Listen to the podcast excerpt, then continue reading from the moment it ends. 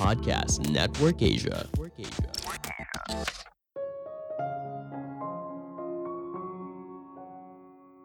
Setiap kali kamu berkata iya pada hal yang tidak kamu sukai, kamu akan membenci orang tersebut, bekerja dengan buruk, dan punya energi lebih sedikit untuk mengerjakan hal yang baik.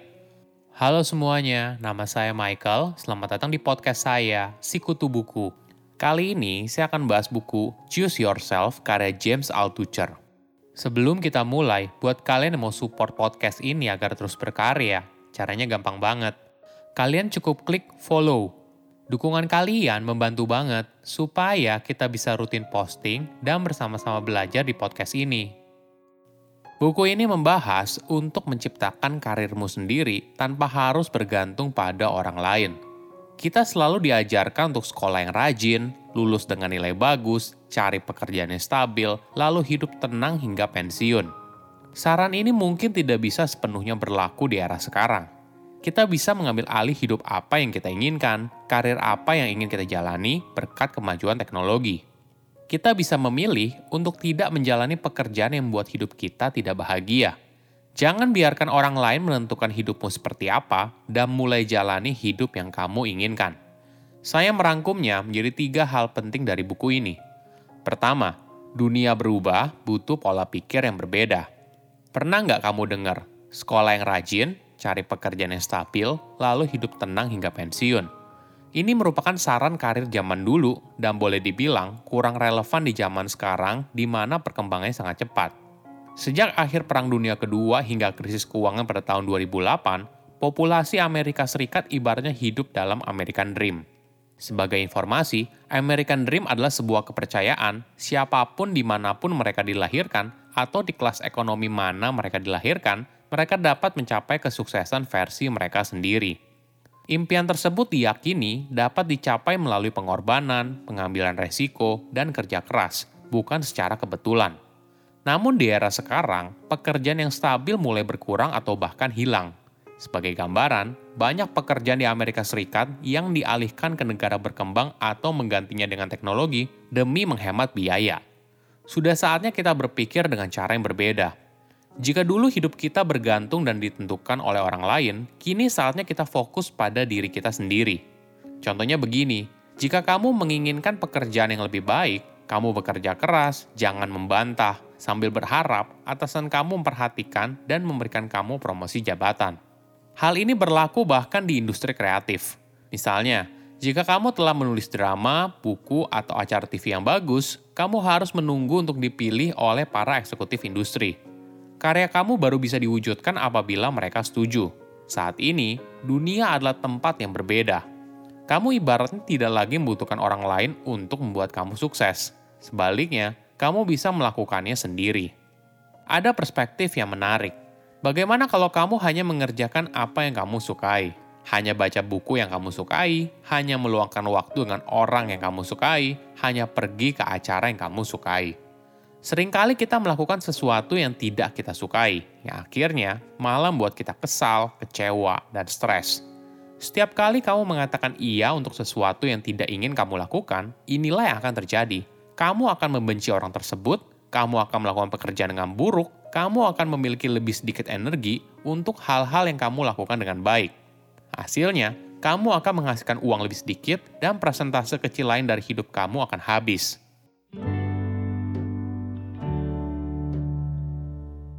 Kedua, bertanggung jawab atas hidupmu. Apakah kamu tipe orang yang berusaha mengambil peluang atau menunggu peluang terbaik muncul? Misalnya kamu sedang duduk di coffee shop, lalu tiba-tiba ada lawan jenis yang membuat kamu tertarik. Apakah kamu berani mengajak kenalan duluan atau kamu hanya menunggu? Mayoritas orang pasti hanya diam dan menunggu. Hal ini disebabkan kita takut ditolak dan kita akan berusaha keras untuk menghindarinya. Rasa takut ditolak membuat kita merasa orang lain harus menentukan pilihan kita merasa tidak cukup baik dan membiarkan orang lain, misalnya orang yang dianggap punya kuasa yang lebih tinggi, untuk menentukan pilihan. Hal ini terjadi pada penulis. Saat dia mengembangkan proyek TV berjudul 3AM untuk HBO, demi mewujudkannya, dia bergantung pada eksekutif di perusahaan TV untuk mengatakan iya. Pada akhirnya, perusahaan tersebut mengatakan tidak proyeknya tiba-tiba berhenti, dan semua kerja kerasnya sia-sia. Bagaimana caranya untuk berubah? Selain rasa percaya diri, kamu hanya butuh smartphone atau laptop dengan koneksi internet, dan kamu dapat melakukan apa pun yang kamu inginkan. Jika kamu menulis buku, kamu tidak memerlukan penerbit atau agen. Kamu bisa menerbitkan buku sendiri secara online. Jika kamu punya sebuah ide acara yang menarik, kamu tidak perlu meminta persetujuan orang lain. Kamu tinggal posting di YouTube untuk menjangkau audiens yang cocok. Di era sekarang, kamu bisa memilih untuk tidak terjebak dalam pekerjaan yang tidak kamu sukai, yang pada dasarnya tidak membuat kamu bahagia. Kita memiliki kebebasan untuk melakukan apa yang kita inginkan, sekaligus menghasilkan uang dari kegiatan tersebut.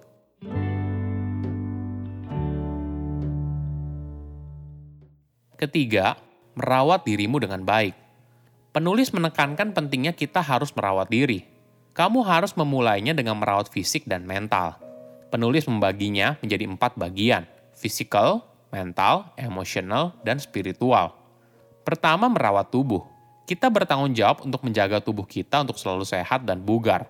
Caranya bisa berbagai macam, mulai dari cukup tidur sekitar 7 hingga 9 jam setiap malam, makan yang cukup, olahraga teratur, dan sebagainya. Kedua, merawat mental. Ini bagian yang lebih rumit kita sering kali buang-buang energi dengan terlalu banyak berpikir dan mengkhawatirkan hal-hal yang tidak dapat kita kendalikan. Lama-kelamaan, kondisi ini akan buat kita burn out. Penulis memberikan tips untuk melatih pikiran menuju ke arah yang positif. Misalnya dengan melatih otot idemu. Cobalah setiap hari untuk membaca artikel, buku, atau apa pun yang bervariasi. Lalu catat setidaknya 10 ide.